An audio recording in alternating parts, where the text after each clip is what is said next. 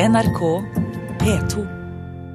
Den tidligere amerikanske basketballspilleren Dennis Rodman reiste i dag til Nord-Korea for å møte landets leder Kim Jong-un. Før avreise møtte et stort pressekorps ham på flyplassen i Kina.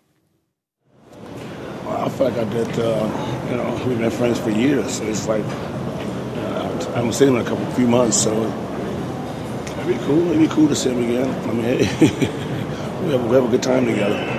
Vi har vært venner i årevis, sier Dennis Rodman, som er en av de mest kjente amerikanske basketballspillerne gjennom tidene.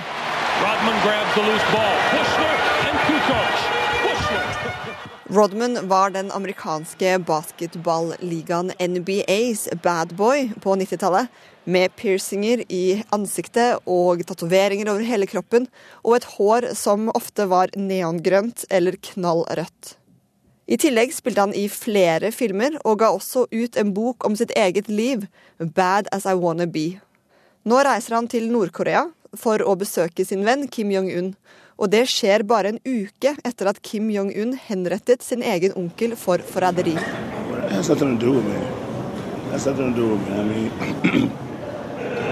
Whatever his uncle's done and whatever, whoever done anything in you know, North Korea, I mean, I have nothing, have no control over that. I mean, these things have been going on for years and years and years. Dennis Rodman sier at det at Kim Jong-uns onkel ble henrettet, ikke angår han, og at han skal til Nord-Korea for å spille basket og ha det gøy. Fortalte reporter Heidi Røneid. Stein Tønneson, Asiaforsker ved Institutt for fredsforskning, PRIO. Hvorfor har Nord-Korea invitert denne mannen i det hele tatt? Ja, det er ganske bisart, men det har nok å gjøre med Kim Jong-un, altså diktatorens fascinasjon for basketball. Han var en ivrig basketballspiller sjøl, virker det som, da han eh, fikk sin utdanning under litt hemmelig identitet i Sveits på 90-tallet. Så hans store helt var Michael Jordan. Det var nok Michael Jordan han aller helst ville hatt på besøk. Hvilke politiske baktanker kan han ha? Ja, Nå er jo da Dennis Rodman en veldig kjent amerikaner, så det å få besøk av en amerikaner og stå fram sammen med han, viser kanskje eh, at Kim Jong-un da har kontroll med situasjonen på et vis. Men eh, jeg vet ikke riktig hvor mye godt inntrykk det gjør på den eldre garde i Nord-Korea. fordi at Dennis Rodman er ikke en mann som oppfører seg sånn som man pleier å oppføre seg når man besøker en, eller en diktator. Han eh, opptrer på amerikansk måte. Han møtte, Hvis han var der første gang i begynnelsen av året, så møtte han Kim Jong-un med en sneip i hånden, f.eks.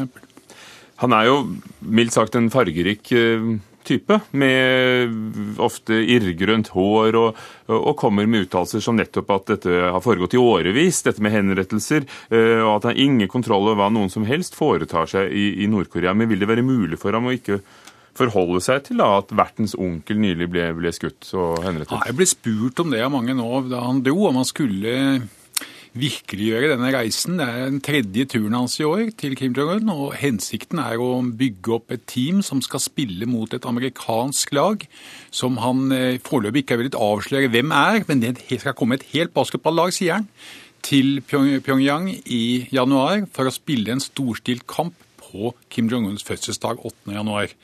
Så det er liksom eh, Dennis Rodmans plan, da. Men eh, nå får han jo mye kritikk eh, for at han kommer hit akkurat på dette tidspunktet, og han forsøker da å snakke det bort.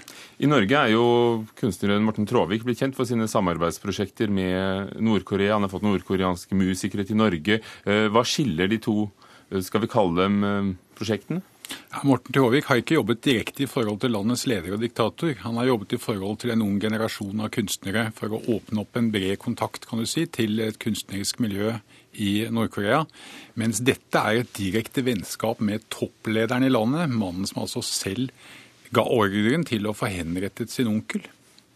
Eh, I hvilken grad er det nyttig å boikotte? Hvilken grad skal vi åpne opp for, for, eh, dette som jo er blitt kalt for slyngelstater? Jeg er normalt tilhenger av å åpne opp mest mulig, men eh, akkurat når det gjelder besøk på topplan av noen som ikke er på en måte så veldig politisk bevisst om hva de gjør, og skulle møte en diktator som har blod på hendene på den måten som er nå, det, det går utover hva jeg syns er fornuftig. Men som du sier, han er jo en type som ikke, ikke følger gjengs skikk og bruk. Eh, risikerer Kim Jong-un eh, å faktisk stille seg selv i et dårlig lys? Ja, det, det, tror jeg i hvert fall i forhold til de eldre, hans egen befolkning. Han har på en måte dyrket en ungdomsprofil etter at han overtok makten i 2011. Det han særlig har lagt vekt på når det gjelder investeringer i landet, det er investeringer i sportsarenaer, skateboardbaner, eh, skibakker. Eh, et delfinarium som det er gjort mye poeng av, og så vil han åpne nye turistsoner hvor de skal også for å tjene utenlandsk valuta. Og dette er ikke, altså I en sånn lutfattig stat hvor mange folk lever på fattigdomsgrensen, så er ikke jeg sikker på om den eldre garde setter så veldig pris på dette. Og jeg tror heller ikke at Dennis Rodmans besøk bidrar så mye til det. Så jeg tror faktisk nå at eh, Kim Jong-un sitter ganske utrygt på makten. Og Hva sier det offisielle USA til dette besøket? Eh, jeg har ikke sett noen uttalelser fra det offisielle USA foreløpig. Jeg har bare sett uttalelser fra folk som har kritisert ham i avisene. Men vi ser jo at Dennis Rodman har stadig oppfordringer til Obama om å følge opp det han gjør, og begynne å ringe til hans gode venn Kim Jong-un for å få åpne dørene mellom Nord-Korea og USA, litt på samme måte som han har gjort med Iran. Men det blir i hvert fall tydelig eh, hva slags eh, regime vi har med å gjøre når dette kommer frem i lyset. Ja, dette regimet har jo på en måte endret hele sin, eh, sitt inntrykk eh, nå med dette mordet på onkelen. Før det så kunne man opp, opprettholde et bilde av et diktatur som hadde kontroll. Nå er det tydelig at det ikke har kontroll. Takk skal du ha, Stein Tønneson, Asiaforsker ved PRIO, Institutt for fredsforskning. Hør flere podkaster på nrk.no podkast.